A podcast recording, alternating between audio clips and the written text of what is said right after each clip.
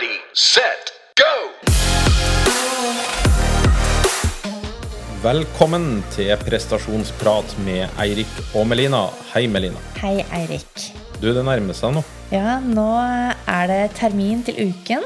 Og eh, som alle som lader opp til eh, livets økt, eller hva vi skal kalle det, så bruker jo jeg da formtoppingsprinsipper som den eh, utøveren jeg er. da. Det handler om å holde litt frekvens på fysisk aktivitet, men akkumulere overskudd osv.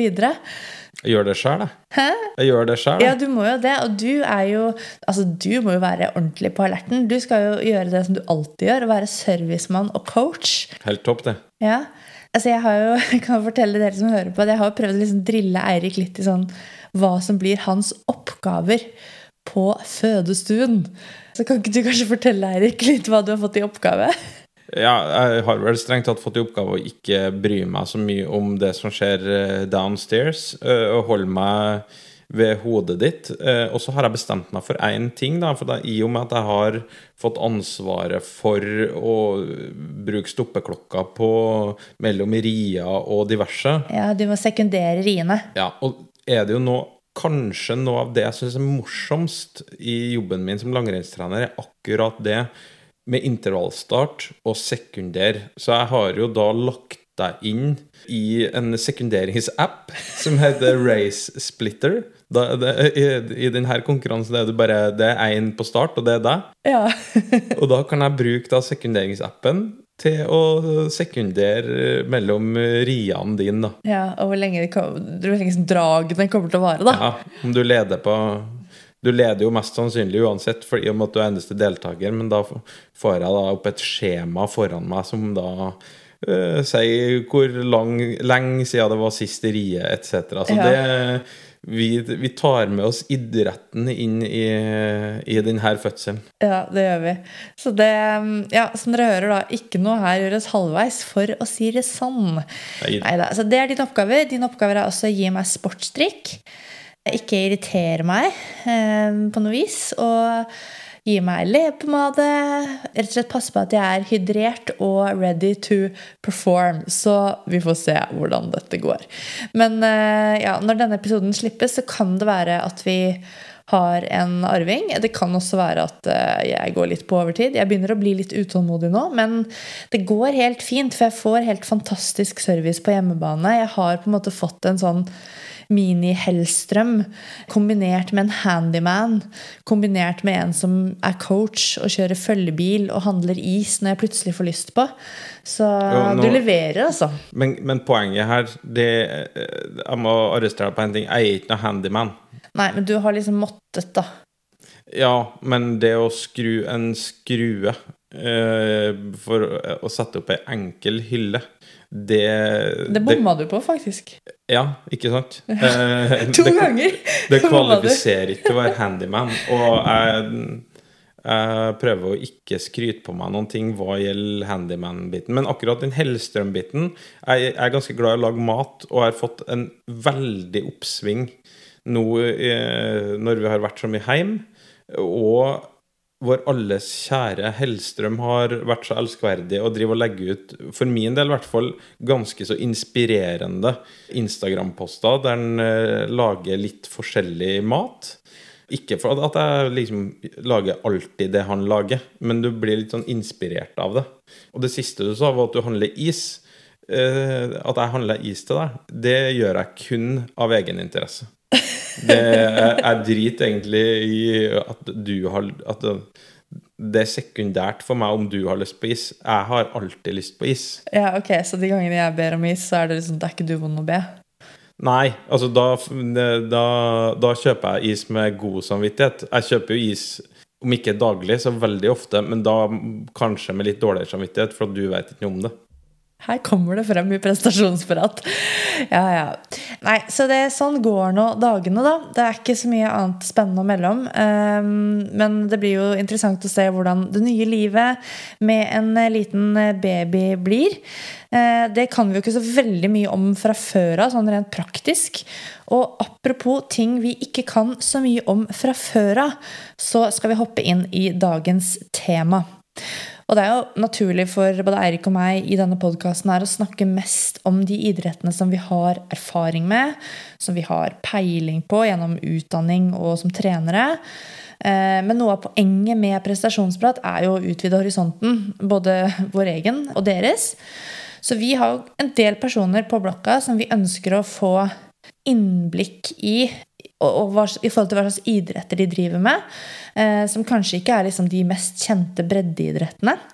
Fordi ofte så er det jo mange paralleller i toppidrett som vi kan lære av og kan komme til nytte. Og som kan gi mange nye innovative ideer. Så i dag skal vi få lære om en idrett som i hvert fall er Den er ikke ny historisk, men den er i hvert fall ny for deg og meg, Erik. Den er helt splitter ny. Eh, det vil si jeg har aldri prøvd den idretten, enkelt og greit. Eh, vi skal til skateboarding. Eh, det, for dem som ikke visste så skulle det for første gang være på OL-programmet i, i, år, i Tokyo. Nå er jo det OL-et flytta et år fram i tid. Jeg husker jo fortsatt på eh, Salt Lake City, når curling, i hvert fall i mitt hode, kom som en ny OL-gren. Bueskyting har jeg sittet fengsla til for å, å, å, se på. OL for en sportsidiot som undertegnede er helt, helt fantastisk. Og jeg gleda meg utrolig mye til å se skateboarding i, i OL-et. Eh, det betyr ikke at jeg ikke gleder meg fortsatt. Det gjør jeg jo. Du får må, enda et år å glede deg på. jeg gjør det. For noen år siden så eh, ble jeg kjent med en som heter Henning Bråten, gjennom felles bekjente. For dem som ikke vet hvem Henning Bråten er, så er han en, en, en liten legende i skateboardmiljøet i Norge. Han har drevet på med det i veldig mange år. Akkurat nå så er han faktisk da historiens første norske landslagstrener i skateboard. Jeg har vel det lagt opp eh, kanskje eh, sjøl, men eh, han skater jo fortsatt.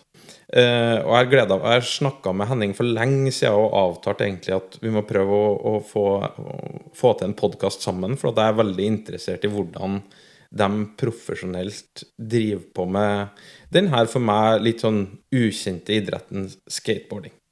Så da tror jeg vi bare hopper rett til vår prat med Henning. Så det er en glede for meg å ønske deg, Henning Bråten, velkommen til den podkasten vår. Takk for det. Som jeg sa i introen her, vi er jo veldig vant til å snakke om løping og ski og sykkel og liksom de utholdenhetsidrettene. Og så er det utrolig spennende for oss å ha en landslagstrener i skateboarding, og forhåpentligvis skal lære oss litt om eh, en helt annen type idrett. Og for å starte med det, hva er din bakgrunn i skateboard? Ja, min bakgrunn er vel at for eh, ca. 31 år siden så plukka jeg opp et skateboard. og siden den gangen så har jeg ikke sluppet det og vært eh, nærmest eh, avhengig og forelska i det brettet. Det har ført meg ja, over hele verden. Jeg har levd som profesjonell skater, vunnet NM-titler, vært med skata World Cup og VM. Og levd som profesjonell eh, i mange år i utlandet med skateboardet. Og nå, i mine eldre dager, hvis man kan kalle det å være i 40-åra, så jobber jeg nå som landslagstrener eh, for skateboard i Norge. Og da må jeg bare skyte inn med en gang. For altså, ja, du er i 40-årene, og i mitt hode så er jo skateboard noe som først og fremst er forbeholdt eh, dem som er veldig unge. da. Kidsa. Kidsa. Eh, føler du på det sjøl òg? At du er en pensjonert skateboarder? Eh, det er vel eh, noen få år siden at jeg begynte å innse at den kurven ikke gikk oppover lenger. Ja. Men det er jo veldig trendy om dagen å flatten the curve, så jeg prøver å bare holde en liksom flat kurve ut i, ut i, evigheten. Vi får se hvor lenge det varer. Men eh, det er jo klart, det er en ungdomsidrett og veldig mange barn som plukker opp det brettet og som blir veldig glad i det. og, og vi har vel egentlig nå den første generasjonen med eldre skatere. Og nå begynner jo mange da skatere å ta med seg barna sine og skate igjen. Så vi er på en måte ganske ferske. Så de eldste er bare gamle nå. Sånn at vi ja. derfor ikke har det vært noe veldig vanlig ting, da. For det første landslaget til Norge i skateboarding, det ble vel tatt ut for bare et par år siden?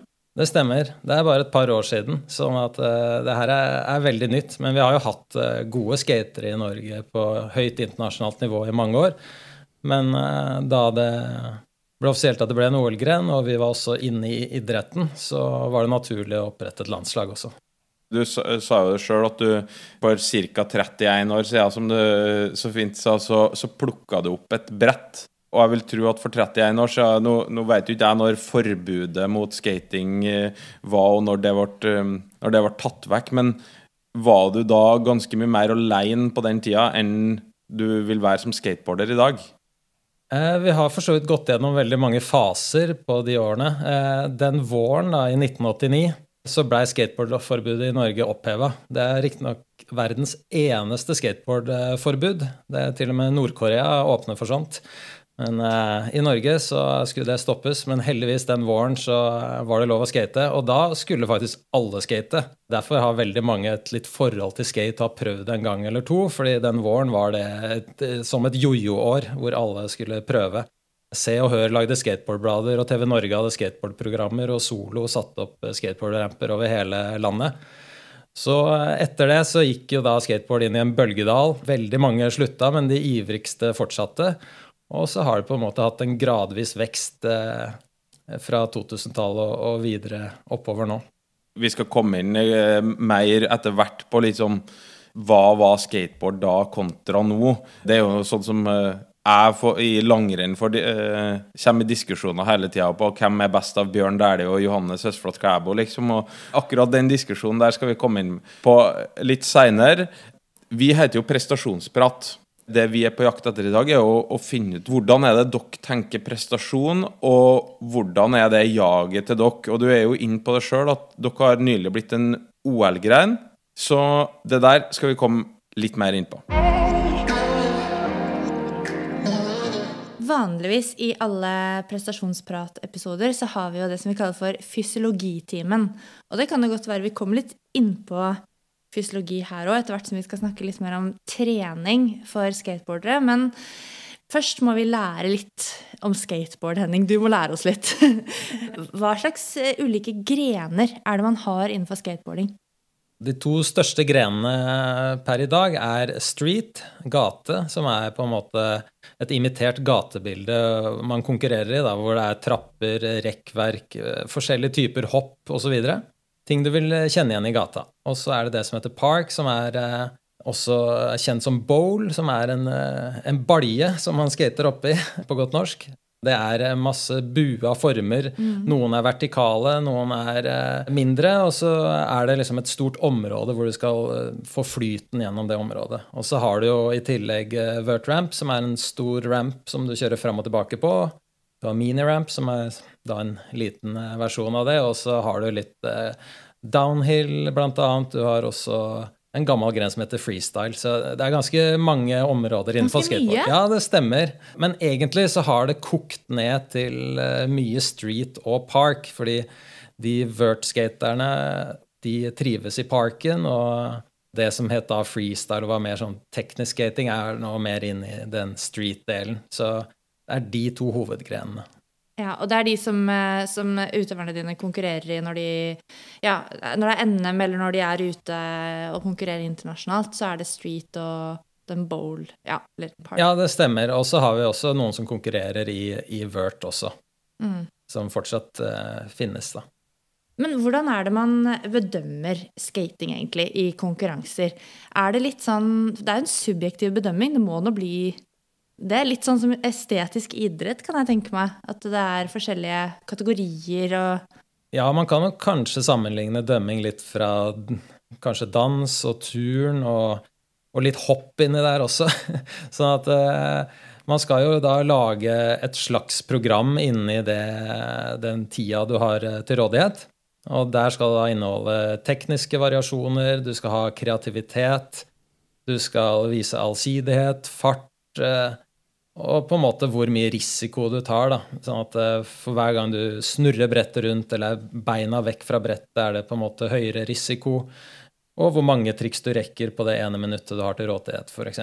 Så Litt av det snowboard, som vi kanskje kjenner også. Ja. ja, enda bedre. Snowboard er også ganske likt, men der har det kanskje blitt litt mer standardisert, noe vi eh, kjemper veldig mot i skateboard, da. Hvor da dommerkriteriene setter eh, stor pris på da kreativiteten og eh, det å skille seg ut. Ikke nødvendigvis ja. gjøre det samme trikset hele tiden. Fordi er det noen um, Altså, jeg vet jo at skatere har veldig sånn sin stil, da. Eller mange har ulike stiler. Ja. Selv om de konkurrerer innenfor samme gren. Ja. Er det noen stilpoeng å hente? Ja, de kaller det stilsikkerhet. At man på en måte Aha. har eh, sitt uttrykk i det du, du gjør. Det kan være Vi skatere vi, vi er et ekstremt detaljorienterte. Da, sånn at eh, et triks kan gjøres på like mange forskjellige måter som det er utøvere. Og den som på en måte gjør det her med med mest stil og sin måte og har sin signatur på det, vil på en måte stå ut i mengden. Ja. Det, det der tenker jo jeg på, da, i og med at du ja, nå, Vi må jo late som at det skal være OL til høsten. da, Nå fikk dere riktignok et år til på dere, men sitter du da som trener sammen med dine utøvere og egentlig snekrer sammen ulike run? Og liksom OK, du skal gjøre det her, du skal gjøre det her, og ja, bestemme på forhånd hva det er utøverne dine skal gjennomføre, og hvordan de skal da trene på det? Akkurat der er utøverne veldig forskjellige. Du har noen som ikke vil eh, i det hele tatt ha et innspill på det, mens andre som vil gjerne ha bistand gjennom hele den prosessen, og, og kanskje trenger det også for å finne ut hva egentlig er sine styrker. Sånn det er jo veldig viktig å bygge på de styrkene, og jeg kommer ofte med forslag. og En del ganger så blir de tatt til følge. Ja, Og er det litt sånn at det er noe triks som du er litt sånn du har litt i bakhånd, det tenker jo at det, det, her skal dere trekke fram inn mot det viktigste konkurransene. Du skal ikke vise av deg for mye før du står i konkurranser. Ja, Er det hemmelig hvordan dere liksom ja, triksene? eh, nei, det er på en måte ikke hemmelig, men samtidig så er eh, den skatehjernen veldig opptatt av å være kreativ og finne på noe nytt. Og det, om det er enten på video eller i en konkurranse eller eh, på Instagram, så er det på en måte noe av det vi jakter etter hele tida. Det å kunne vise fram noe som på en måte er vårt, da, og eie på en måte en kombinasjon av noen triks og, og noe å vise fram. Som, og hvis du kan dra ut det i en konkurranse, så vil det selvfølgelig være et fortrinn. Og det gjøres en del. Apropos konkurranser. Hvilke konkurranser er det som er liksom det gjeveste? Hva hva er det dere trener mot primært sett, når det ikke er OL, selvfølgelig? da? Ja, I og med at eh, det da ble en OL-gren, så ble det oppretta en del nye konkurranser som har fått veldig høy status. Og også en del av de konkurransene som var før, er da tatt inn i det som er en World Cup. Så det er noe som heter Street League Skateboarding, som er street-konkurransen. Det er en del parkkonkurranser som har litt forskjellige navn, og du har noe som heter Vans Park Series, som er en serie med, med bowl-konkurranser. Og så er det X Games i tillegg, som er på en måte da en uh, invitational konkurranse som du må bli invitert til da, for å delta i.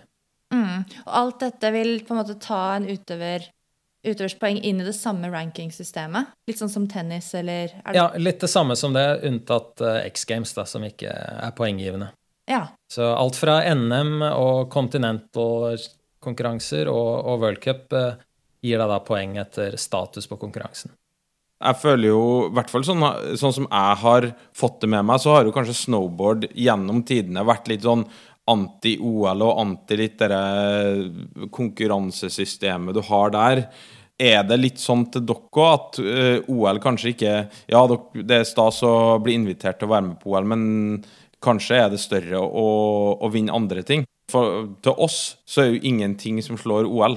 Altså, vi lever jo i fireårssykluser. Mm som topper seg hvert fjerde år med det OL-et. Ja, jeg vil ikke si at det har vært like eh, stor kontrovers i skatemiljøet egentlig som det var i, i snowboard. En grunn til det tror jeg at uh, skateboard uh, community har vært veldig mer på ballen hele veien gjennom prosessen her i å forme da Alt fra dommerkriterier til eh, hvordan anlegg skal se ut, hva er konkurransene som skal gi eh, kvalifiserende poeng osv. Så videre. sånn at man har på en måte hatt skatere på lag hele veien her og fått lov å, å, forme det til å bli til noe vi kjenner igjen. Og det tror jeg snowboard eh, sleit ganske mye med. Sånn at det er en større positivitet og det nivået som er på, på de konkurransene tilsier at her er de absolutt beste med, og alle ønsker å være med. Ja, det er kjempekult. Og i forhold til um, dette her med OL, da, jeg tror jo at uh, OL trenger skating. Fordi det er jo ganske sånn, kjent som et litt sånn pampete system. Så for å nå et yngre publikum og nå litt, litt kanskje nye seere, da, og nytt publikum, så tror jeg jo det at det er helt riktig å ta inn hva skal man kalle det, litt mer sånn urbane idretter, da, hvis du skjønner meg? Ja, absolutt. Og det er jo noe vi på en måte sa helt til starten òg, at uh, skateboard trenger ikke OL, men OL trenger skateboard. Og vi gikk uh, litt inn i det med den attituden også, på en måte at vi kan tilby noe nytt. Og uh, en yngre målgruppe enn uh, f.eks. løpende pinnsvin, eller jeg vet ikke hva folk skyter på, men det er Ting må utvikle seg, og de nye sportene må med.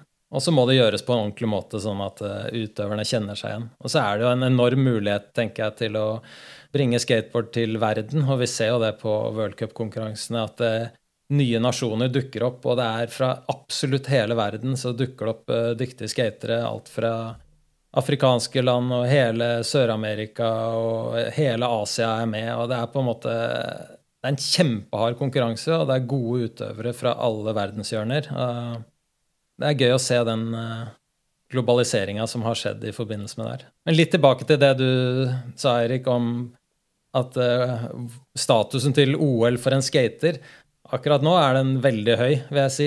Det er første gang, og du vil bli ekstremt historisk bare ved å delta. Sånn at det å komme seg dit vil bety mye for mange. Men vi har også våre på en måte Holmenkoll-søndager som også er stas å vinne. Det, det er mange av de konkurransene også som betyr mye, da. Du begynte jo da i 1989. Da plukka du opp et skateboard. Og sånn som jeg forsto på så har du ikke kommet deg av det skateboardet enda. Hva er forskjellen, liksom, føler du, på dagens skateboardere og dem du Altså når du var på toppen som skater sjøl, da. Hva er utviklinga har vært, og, og, hva er forskjellen i trening og holdninger og, og sånne ting? Den største forskjellen sånn sett er vel at det faktisk nå er det lov å trene. Mm. Nå er det på en måte en tanke på at hva kan jeg gjøre for å bli bedre på skateboard eller tåle å skate lengre? Og den, den var ikke der før. Da var det på en måte Hvis du skulle strekke ut, så måtte du gjøre det bak en vegg eller et eller annet sted hvor folk ikke så deg. For det passa ikke inn i livsstilen, det, eller? Nei, det gjorde ikke det. man tenkte... Imaget? Ja, det er mye image i skateboard fortsatt, men det er det jo andre steder i samfunnet òg. Men det er jo på en måte, da var det Man skulle være annerledes, og man skulle på en måte gjøre det på sin måte og helt annerledes enn alle andre. Så at eh, vi har jo på en måte ikke treningsklær på den måten som veldig mange andre idretter har. Du er en skater også etter skatesession. Du uh, bruker samme type klær, samme type sko. Du uh, leser skateblader. Du er på en måte i det hele tida. Det er ikke bare noe du driver med på en trening fra da til da. Og det var enda sterkere da i 89 og de, de tidligere årene der, da. Mitt inntrykk er i hvert fall at det er en veldig sånn helhetlig livsstil. Eller sånn som man ser på det å eh, være en skater, da. Ja, og det er jo noe jeg også har sagt før, at man Skateboard er ikke noe du driver med, det er på en måte noe du er. Det er på en måte mm. definerer hele personen din og på en måte hvordan du ser på verden. Sånn at eh, jeg kan ikke gå en tur uten at jeg ser på muligheter for å skate en trapp eller eh, et rekkverk, eller hvordan er den asfalten her? Eh, den betongen her hadde blitt bra om man hadde pussa den litt, osv. Det er på en måte alltid et øye for hva som er mulig å skate. da. Ja, men jeg tror det gjelder egentlig for mange som altså, Når du driver med en idrett på høyt nivå, så blir det jo livsstilen din. Og det er jo litt sånn med langrenn òg. Hvis du kommer et sted hvor det er bra asfalt, så tenker du sånn Å, her har det vært deilig å gå på rulleski. Altså, du blir jo litt miljøskada. ja, ikke, det er helt klart. Eh, jeg har faktisk vært på det rulleskianlegget utafor Sandnes og skata, for det var så god asfalt der. Så. Ja, der kan man se. Ja. Jeg tenkte jo også litt på det i går når jeg satt og så litt på eh, skateboardfilmer. da litt i denne researchen som jeg holdt på med, og tenkte på det. Kommer de til å ha landslagsdrakter på noe vis under OL? Ja, Og det kommer til å være landslagsdrakter fra i hvert fall noen nasjoner. Og det, ja. det kom ganske tidlig i den prosessen her, og i de første offisielle worldcupene med OL-poenggivende da kom jo bl.a. Tyrkia med noen flammende drakter. og Det var mange nasjoner som allerede da var i, i fullt utstyr. Ja. Mens andre nasjoner eh, holder veldig igjen. Og eh, ikke vil egentlig ha noe som ligner på en, en drakt eh, ennå. Sånn at vi får nå se. Jeg ser den. og her igjen så handler det jo om individet, da. Det at du er på en måte kunstneren på det brettet som skal vise fram noe. Så det er, og det å kle seg inn i noe noen andre har bestemt så veldig, det spiller ikke helt på lag med identiteten vår. Til oss så handler det om Altså, hvis du kan gå med eh, Det spiller ikke noen rolle hvordan drakten ser ut, egentlig. Hvis den kan være litt prestasjonsfremmende, altså du kan gå bitte litt fortere Jeg har jo tenkt på det mange ganger i snowboard òg. Hvorfor kjører jeg midt med kondomdress? De ville jo hoppa høyere. Og i og med at da høyde, da, i hvert fall i halfpipe, eh, er viktig mm. Til dere så vil jo fart være viktig. Men jeg hører jo det at jeg tviler kanskje da at landslaget ditt kommer i kondomdress på start i OL i Tokyo. Akkurat det tviler jeg veldig sterkt på sjøl òg. Det er faktisk noen som eh, skater i tights med shorts over, annet. Noen sånne løsninger. Men det som har skjedd på skateboardutstyrsfronten, er på en måte at eh, det er veldig mye mer funksjon i plaggene og skoa.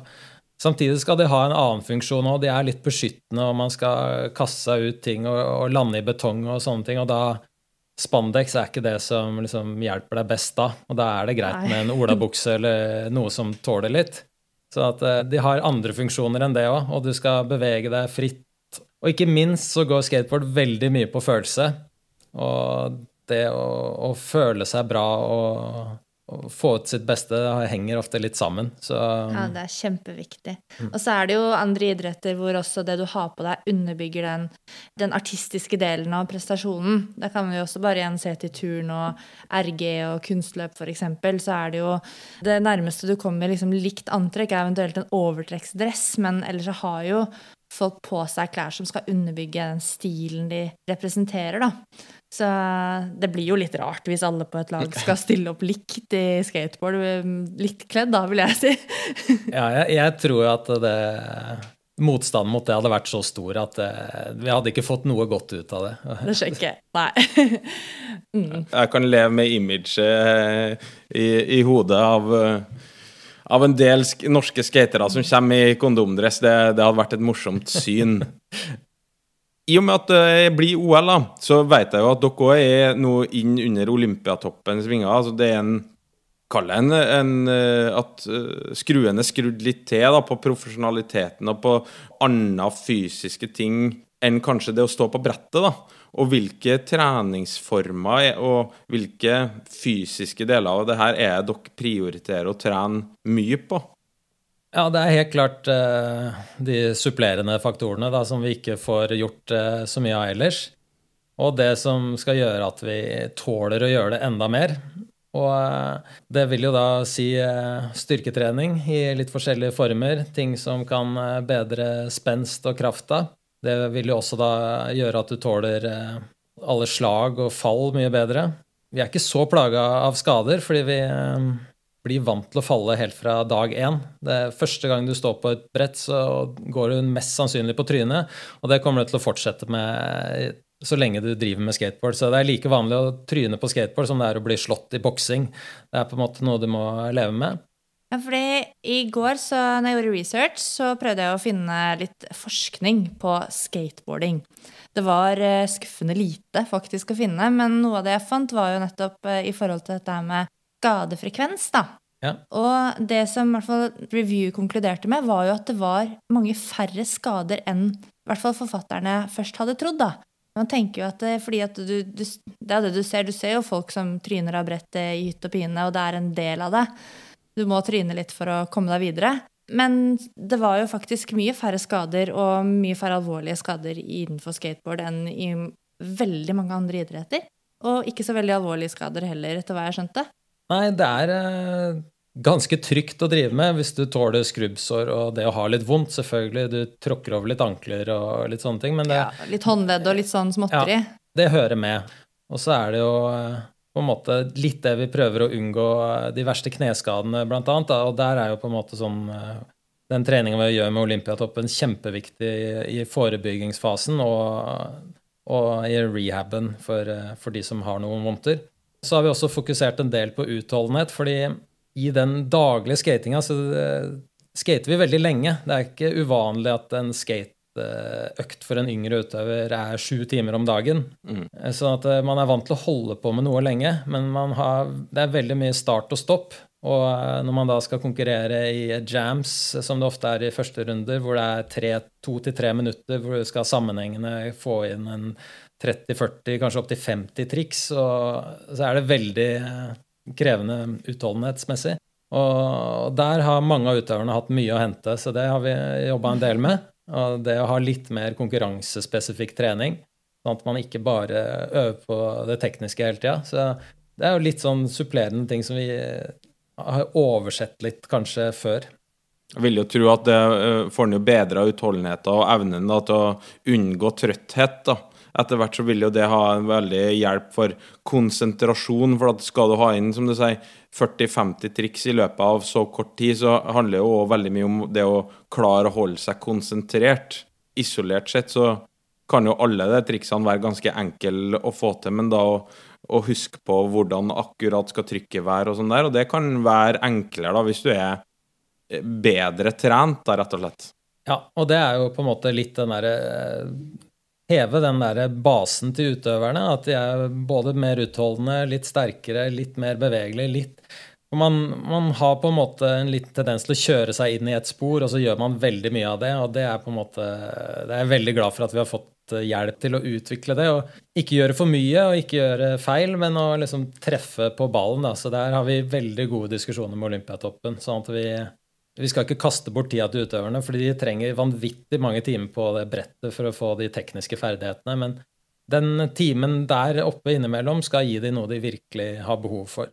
For det er jo ikke noen tvil om at først og fremst så er jo skateboarding en ekstremt teknisk idrett. Selv om arbeidskravene er jo både styrkespenst, bevegelighet og også utholdenhet, som ikke jeg hadde tenkt over engang.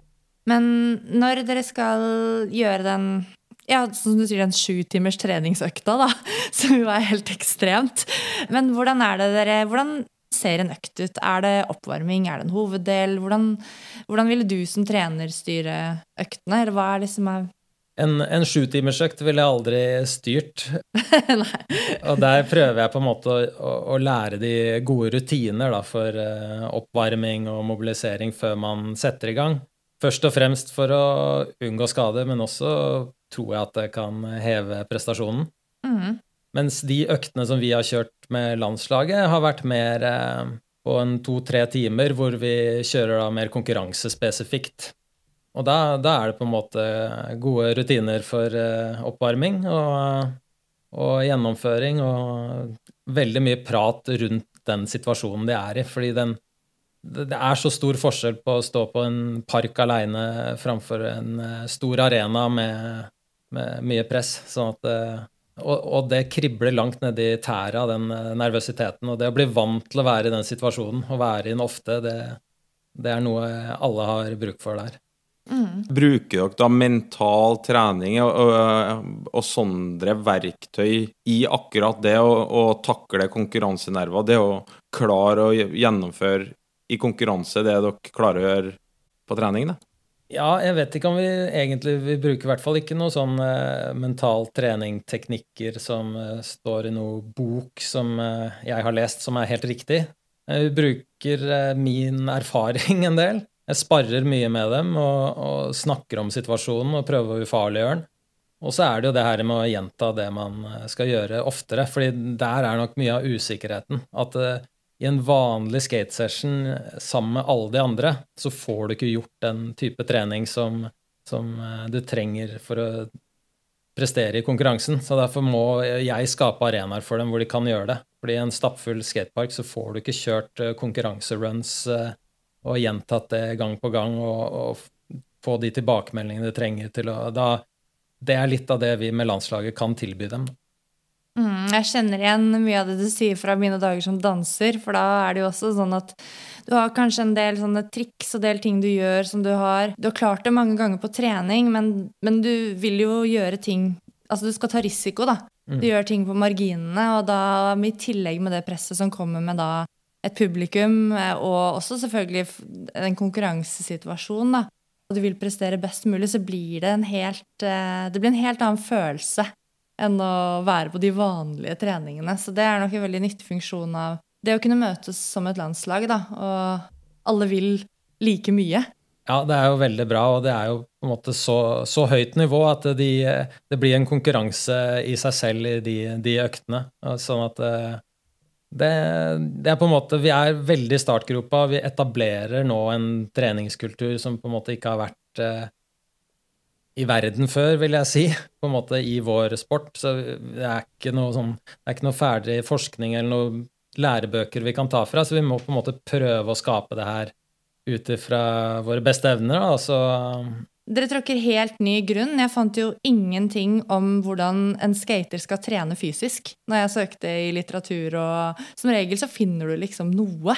Men det var virkelig Så det er Dere skaper jo det som nå ja, tråkker den første grunnen da, i forhold til hvordan, hvordan man skal løse det som, eh, som skater og som skal i OL-konkurranser og Ja, og der er det jo veldig spennende arbeidet med Olympiatoppen, hvor, da, hvor jeg sender videoer av eh, de beste skaterne til Olympiatoppen og får de til å sitte og uh, fine Se på de her og se hva, hvilke bevegelser og hva som gjøres for å prestere, og, og prøve å omsette det til gode øvelser for oss som, uh, som vil ha nytte, da. Så.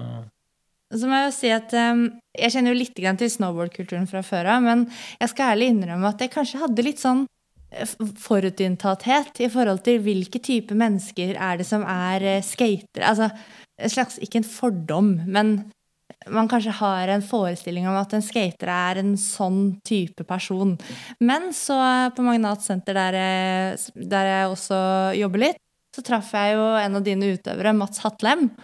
Som er en sindig, eh, sindig gutt fra Østlandet. Og jeg tror ikke du finner høfligere kar enn han omtrent. Og trener disiplinert og beinhardt. Og mens jeg hadde egentlig et bilde av en skater som en som hang på Rådhusplassen og drakk litt Red Bull, og så skata man litt, og så var det liksom Kan ikke du fortelle litt om laget ditt, og hvordan, hvordan er disse utøverne? Jo, og det er jo et Jeg vil jo si at det er et helt enormt spekter av eh, folk som driver med skateboard. Eh, og det er alt fra statssekretærer til eh, toppidrettsutøvere som du ikke trodde drev med skateboard, til ja, til folk i fengsel, altså. Så du har på en måte hele spekteret her. Mm. sånn at det er ikke én type som er skater. Um, og landslaget er også veldig Veldig mange forskjellige spennende typer. De kommer fra store deler av, av Norge, både små byer og, og, fra Oslo. Og det er veldig forskjellige typer. Sånn at du har folk som liker å gå på ski i marka og dra på sykkelturer, og du har folk som driver med svart metall. Du har folk som uh, rapper, og noen tegner, og noen Ja, det er på en måte veldig mange forskjellige typer, så det å ha evnen da, til å kjenne miljøet og tilpasse meg de utøverne har vært veldig viktig for meg. Da, for jeg, jeg, kan ikke gi det samme til alle. Nei. Men klarer du i, i sånn situasjon, når du sitter der med landslaget ditt, og dere har økter og sånn der, og klarer utøverne og klarer du å liksom dra nytte av hverandre? Der, der vil det jo være en som kanskje er bedre enn det andre til noen ting. Og da at han er med å lære bort til det andre, og så kanskje han får tilbake noe på andre områder igjen. At, det, at dere oppfattes som et lag, da, mer enn forskjellige individualister. Det er jo selvfølgelig en prosess vi, vi jobber med. og heldigvis, fra kulturens side, så er det her på en måte sånn vi har lært fram til nå. Mm. Eh, jeg har lært av de som er bedre enn meg, og jeg har lært videre til de nye som kommer, og det er eh, vi er hele tida så ser vi til hverandre og spør om tips og råd. hvordan uh, Og det går veldig mye på det tekniske, da, selvfølgelig, det å lære seg triks og forskjellige variasjoner. Uh, men når det kommer til det det litt vi har prata om, det er liksom den øverste prestasjonen, så kan vi virkelig spille hverandre gode. For her, her er det mange forskjellige måter å angripe det på. Ja, for da vil jeg tro at Det vil jo være kamp internt i gruppa di òg, om det er OL-plassene. Dere har jo ikke ubegrensa med plasser i det OL-et. Så det å komme seg til OL, og det da kanskje få hjelp av sine lagkamerater til å prestere det lille ekstra, det vil være, skape en verdi også for dem som da kanskje akkurat ikke klarte å komme seg til OL. da. Ja, de OL-plassene er ekstremt vanskelig å få tak i.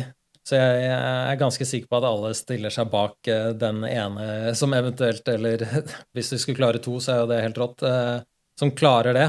Og eh, jeg tror og håper at det ligger så sterkt i kulturen vår, det å ønske hverandre suksess, at det vil fortsette selv om det er et OL, da, for så vidt. Så selv om det er mye som står på spill, så er det på en måte du, du, innser så godt da hvem som er bedre enn deg, hvis det er noen som mm. har gjort noe som er bedre. Sånn at det, det, da vil man uh, unne den andre det. Ja, det er veldig fint å høre. Altså, jeg tenker litt på når du skal Som du sier, det er jo alle mulige mennesker som, som kjører skateboard, og veldig mange forskjellige typer på ditt lag. Men sånn i forhold til skateboardferdigheter, da, eller og det å sette sammen et landslag, hva er det du har lagt vekt på når, når dere skulle ta ut disse Det er åtte utøvere, er det det? Nå er vi faktisk oppe i ti. Ti utøvere, fantastisk. Ja. Hvordan, man, hvordan, får man være med på landslaget? Hva er det som skal til?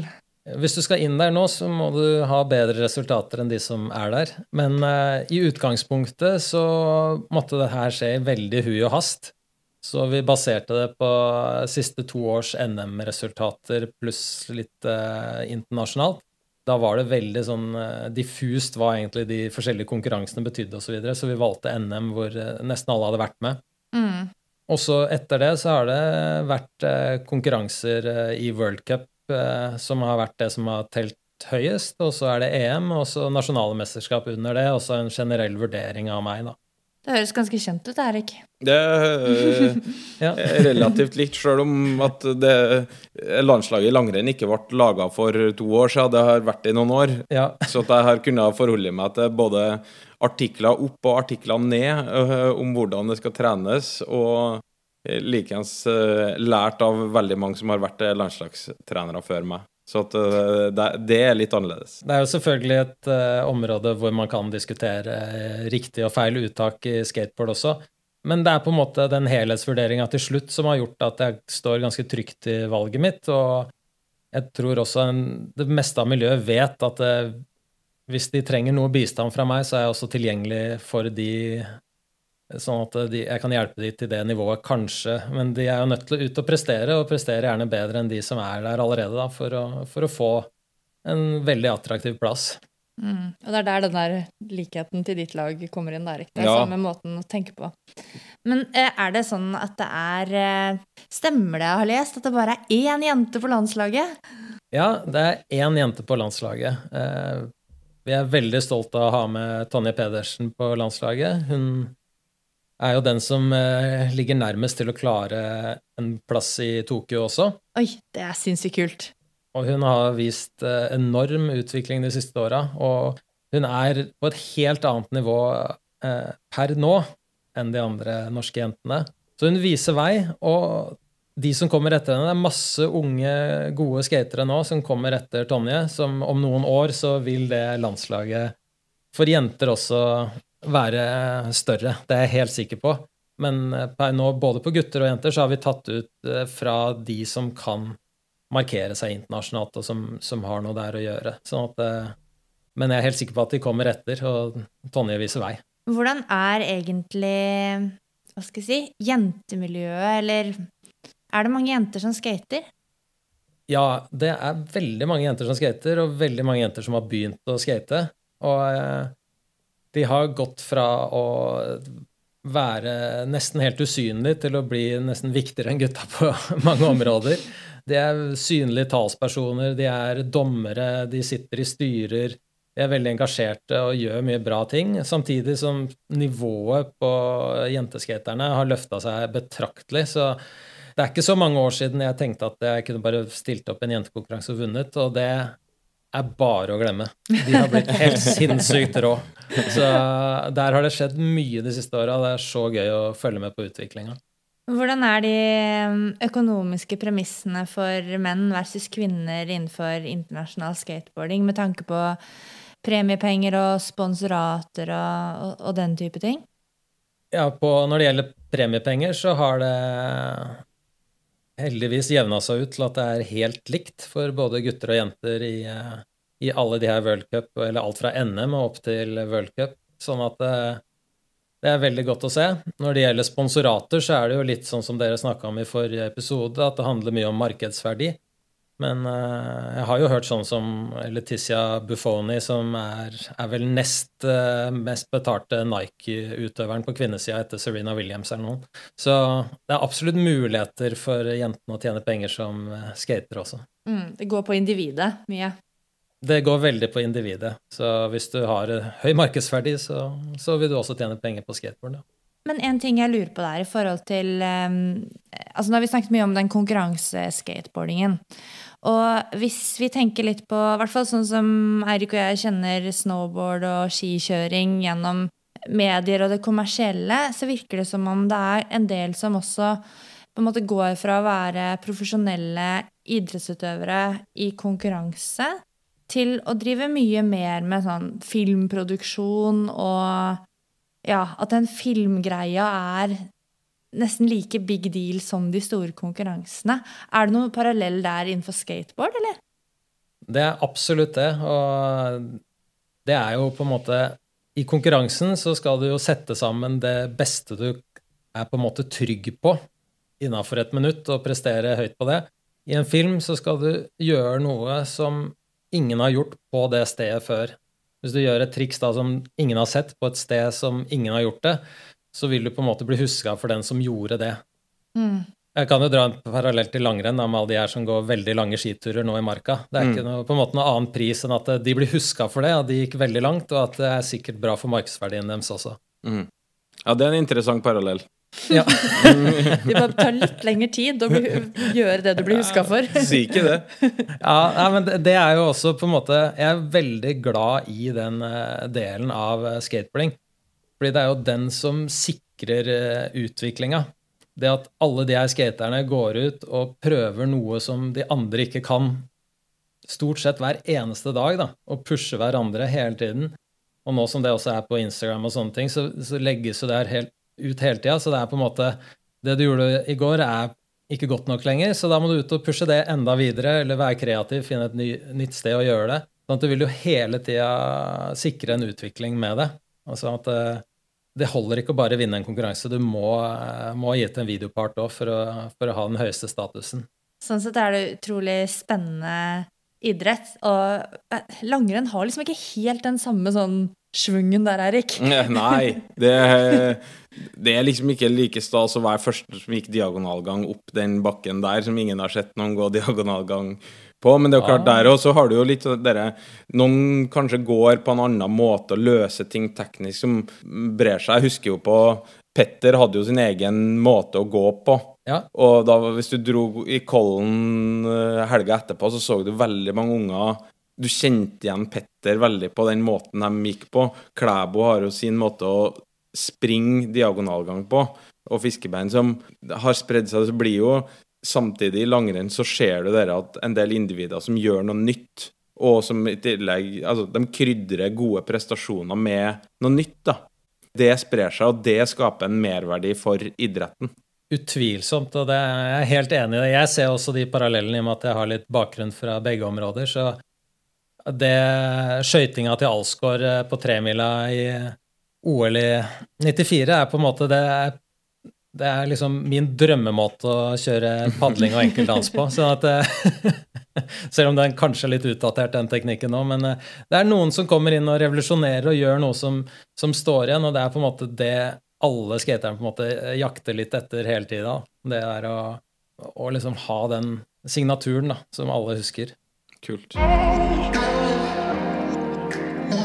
Rent avslutningsvis så må vi jo få takke deg, Henning, for at du eh, var med og bidro på denne podkasten. Veldig interessant for oss eh, langrenns- og utholdenhetsnerder å lære litt om en annen idrett og hvordan dere tenker. Vi skal jo faktisk da videre i denne episoden her. Vi skal snakke med en av dine utøvere. Og vi skulle jo gjerne hatt dere sammen, selvfølgelig, men i disse koronatider så går jo ikke det. Kan jo spørre deg, hvordan er livet som landslagstrener i den tida vi lever i nå? Ja, den eh, foregår veldig mye på eh, WhatsApp eller på eh, nettmøter à la det vi har nå. Mm. Og så blir det å lage litt opplegg for utøverne. og og håpe at de holder seg trygge gjennom perioden. Og så snakker vi litt om hva man kan gjøre hjemme. og det er en, en, god periode for å øve på eh, basisferdighetene, har vi på en måte blitt litt enige om nå. Så det Jeg har sjøl dratt ut på et uh, garasjetak og vært helt aleine og bare kjørt basics. og det er på en måte en måte å komme ut av det her med bedre grunnkapasitet på en del ting. Så det være seg utholdenhet og styrke og, og basic skate-triks. Veldig bra. Tusen hjertelig takk for uh, innsikten du har gitt oss. Og så uh, får vi se om vi Jeg tror nok sannsynligvis neste gang vi møtes, så er det mer på ski enn på brett. Det, jeg tror vi er mer lik, jeg og du, sånn i prestasjonen på ski enn det vil vi, vi er på brettet. Jeg henger nok langt etter, men jeg gleder meg. Ha det bra. Ha det. Vi håper du synes eh, vår eh, lille prat med Henning var informativ, og at den ga deg et lite innblikk i en verden I hvert fall ikke vi kjenner så godt. Det kan hende at du som lytter på, kjenner den bedre enn oss. da. Men jeg håper du likte den likevel. Ønsker gjerne at dere blir med oss i neste episode òg, for der skal vi møte eh, en av Henning sine landslagsutøvere.